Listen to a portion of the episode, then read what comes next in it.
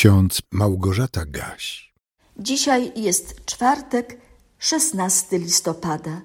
W księdze proroka Jeremiasza w 32 rozdziale w wierszu 40 czytamy Zawrę z nimi wieczne przymierze, że się od nich nie odwrócę i nie przestanę im dobrze czynić. A w pierwszym liście Jana w czwartym rozdziale w wierszu dziewiątym czytamy W tym objawiła się miłość Boga do nas, iż Syna swego jednorodzonego posłał Bóg na świat, abyśmy przezeń żyli.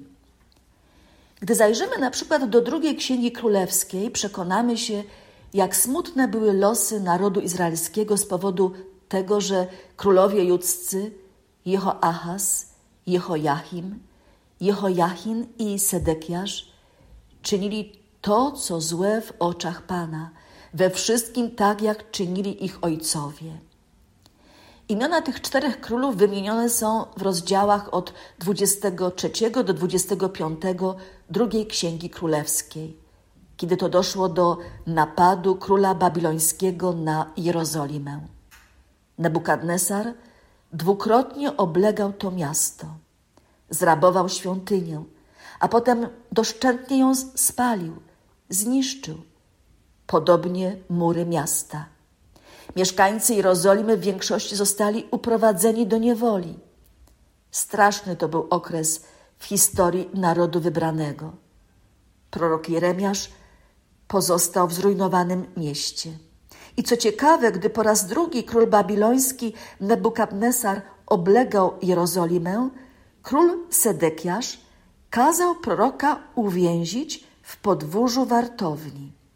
Dlaczego? Otóż postawił Jeremiaszowi następujący zarzut.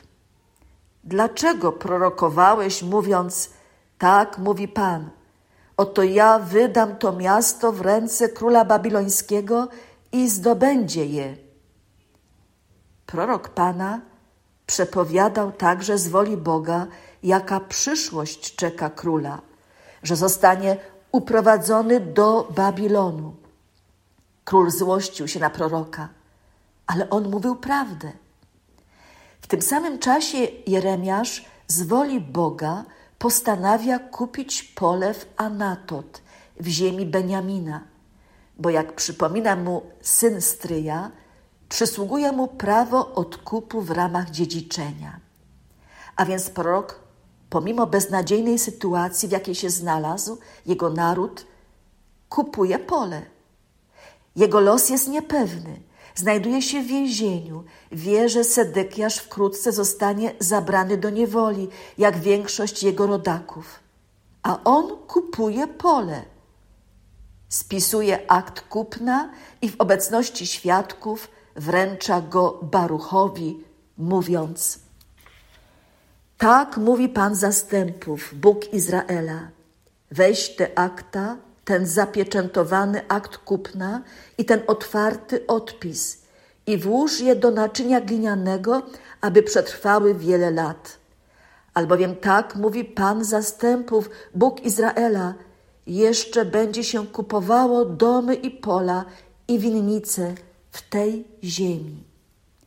A potem prorok Pana tak się modli. Ach, wszechmocny Panie, oto Ty uczyniłeś niebo i ziemię wielką swoją mocą i swoim wyciągniętym ramieniem. Nie ma nic niemożliwego dla Ciebie. Wyświadczasz łaskę tysiącom, lecz za winę ojców odpłacasz na łono ich synów, którzy po nich przychodzą. Boże wielki i potężny, którego imię jest Pan zastępów, wielki w radzie i możny w wykonaniu, którego oczy są otwarte na wszystkie drogi ludzkie, aby oddać każdemu według jego dróg i według owoców jego uczynków. Następnie prorok w modlitwie przypomina o tym, jak naród został wyprowadzony z Egiptu i wprowadzony do ziemi obiecanej, ziemi opływającej w mleko i miód. A gdy weszli, i posiedli ją, nie słuchali Twojego głosu i nie postępowali według Twojego zakonu, Nie czynili tego wszystkiego, co poleciłeś im czynić. Dlatego sprawiłeś, że spotkało ich całe to nieszczęście. Oto wały dosięgły już miasta, aby je zdobyto, a miasto jako ofiara miecza, głodu i zarazy będzie wydane w ręce Chaldejczyków, którzy walczą przeciwko niemu, a co zapowiedziałeś, to się spełnia, jak to sam widzisz. A jednak Ty, Wszechmocny Panie, powiedziałeś do mnie, kup sobie pole za pieniądze i potwierdź to przez świadków. A przecież miasto jest już wydane w ręce Chaldejczyków. I doszło Jeremiasza słowo Pana tej treści. Oto ja jestem Pan, Bóg wszelkiego ciała. Czy jest dla mnie coś niemożliwego? Następnie prorok Pana słyszy, że gdy skończy się okres kary, pamiętamy, że niewola babilońska trwała aż siedemdziesiąt lat, oto ja zbiorę ich ze wszystkich krajów, do których ich rozproszyłem, w moim gniewie i oburzeniu i wielkim uniesieniu. Sprowadzę ich znowu na to miejsce i sprawię, że będą mieszkać bezpiecznie. I będą moim ludem, a ja będę ich Bogiem. I dam im nowe, jedno serce i wskażę jedną drogę, aby się mnie bali po wszystkie dni dla dobra ich samych i ich dzieci po nich. I zawrę z nimi wieczne przymierze, że się od nich nie odwrócę i nie przestanę im dobrze czynić, a w ich serce włożę bojaźń przede mną, aby ode mnie nie odstąpili. Wieczne przymierze, które Bóg zawarł ze swoim ludem, jest naprawdę wieczne. Pomimo braku wierności ze strony ludu, pomimo ich obrzydliwej postawy wobec tego, który zawsze ratuje, podnosi, wskazuje właściwą drogę, pomimo długotrwałego odstępstwa od Bożych przykazań, to przymierze jest wieczne, bo Bóg pragnie jedynie dobra i zbawienia dla ludzi, których do życia powołał. Apostoł Jan w swoim pierwszym liście tak przekonywał. W tym objawiła się miłość Boga do nas, iż syna swego jednorodzonego posłał Bóg na świat, abyśmy przezeń żyli. Drodzy słuchacze, wy to doskonale wiecie, ale dziś na nowo możemy wyrazić swoją wielką wdzięczność pod adresem Boga, gdy znowu słyszymy, że Jego przymierze jest wieczne.